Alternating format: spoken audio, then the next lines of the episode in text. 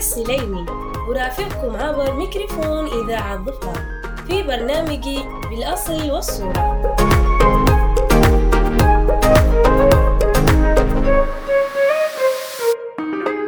يا محبيني ويا متابعيني ويا مستمعين برنامج بالأصل والصورة. ها ما وحشتكم؟ ادري أدري. وأنتوا بعد وحشتوني يا حبايب قلبي. ها أكيد أنتوا متعودين إن كل خميس يكون معانا موضوع جديد. لا والأحلى إنه قبل لا نبدي الحلقة لازم تكون في حلقتنا شوي من الاختراعات والقصص والمعلومات والحركات والمركات. لا لا لا لا. أمزح أمزح. ما في حركات ولا بركات. بس هالمرة بنبدي حلقتنا. بدون أي اختراعات ولا معلومات. ويلا سرينا.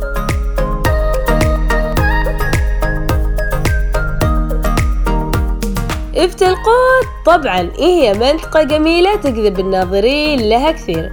وفي نفس الوقت تمتاز بموقعها الاستراتيجي. واشتهرت هالمنطقة عندنا في ظفار كثير كثير والكل صار يعرفها من كبير وصغير.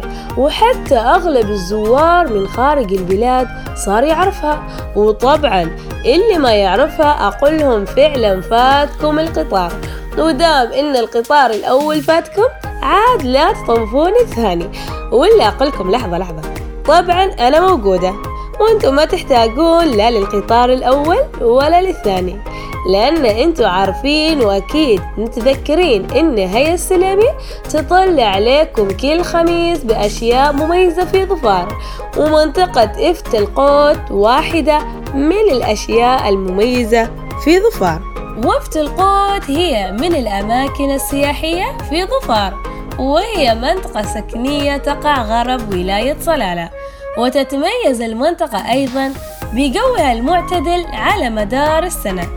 ونعرف إن فتلقوت تشتهر بمنظرها الجميل وتلالها الواسعة اللي تكتسي دائما باللون الأخضر في موسم الخريف. وتتميز باحتضان السحاب والرذاذ لسهولها وتلالها. وهالمنطقة معروفة حتى بطبيعتها الخلابة. وتعتبر من أهم شواطئ محافظة ظفار وحازت هالمنطقة أيضا بعدد كبير من المواطنين والزوار والمقيمين.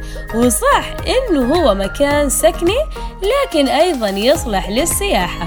والكثير من العوائل يروح لهالمكان عشان يظلون فيه ويغيرون من جو البيت. والأيام اللي يروحون فيها مثل الخميس والجمعة لأنها إجازة الأسبوع. أو عادي حتى يروحون في الأيام اللي فيها الإجازات الرسمية ويظلون في المكان من الظهر حتى العصر. وما يميزها أيضا هالمنطقة إنها تتصل بشاطئ المغسيل الشهير وهي من أقرب للزائرين من ولاية صلالة. وطريقة الوصول إليها تروح عن طريق المغسيل نفسه. وتتميز المنطقة بجوها اللي يكون سهل بعيدا عن الضباب الكثيف مما يتيح للزائر النظر على مد بصري للسهل الأخضر النسيم العليم.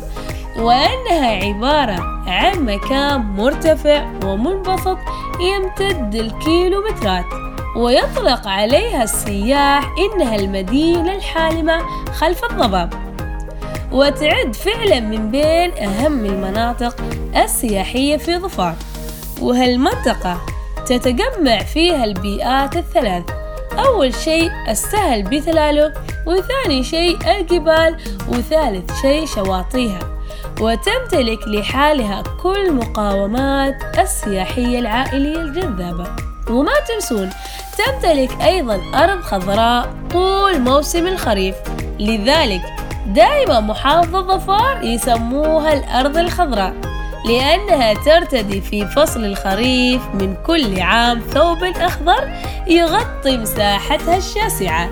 كما يغطي السحاب والضباب سماءها وينعش الرذاذ هواها فتصبح من الوجهات السياحية. وقبل ما نروح للختام خلونا نمر في القطار على شاطئ المغسيل ونعرفكم على هالمكان بنبذة بسيطة. طبعا شاطئ المغسيل الغني عن التعريف موجود في محافظة ظفار وهو من الشواطئ الجميلة وحتى الزائر لما يروح لهالمكان يتمتع أثناء تجوله في هالمنطقة. وشيء أساسي عندهم إنهم لازم يروحون شاطئ المغسيل لأنها من أهم المواقع السياحية عندهم البارزة. ويستقبل هالمكان عدد كبير من السياح من مختلف دول الخليج العربي ومحافظات السلطنة حيث تنعم محافظة ظفار بأجواء لطيفة وأجواء خريفية. وأيضا تتميز بانتشار الكتل الصخرية على امتدادها وبميائها الرائعة. وكذلك النوافير المائية الطبيعية التي تندفع من الحفر الصغيرة اللي تكون لها أصوات جميلة عند تدفقها وقبل خروجها. وهالمكان جدا مميز ومناسب للعائلات والرحلات؟ ويحتوي هالمكان على استراحات وهالإستراحات لها إطلالة جميلة على البحر يستمتع فيها الزائر. وتبعد من صلالة هالمنطقة حوالي 40 كيلو. ويمكن أيضا الوصول إليها بسهولة عبر اللوحات الإرشادية الموجودة على الطريق. وما أريد أطول عليكم. وعارفة إن حلقتي اليوم جدا خفيفة. يا محبيني ويا مستمعيني. إن شاء الله المرة القادمة الحلقة تكون طويلة جدا وأنتوا اللي تملون منها. فعشان كذا حلقتنا لليوم خلصت. وكونوا دايما في انتظاري كل خميس. وخليكم بعد متابعين كل حلقات برنامجي. عشان لا تطوفكم أي أشياء مميزة في محافظة ظفار وتروح عليكم. وأشوفكم ونلتقي على خير. أحبتي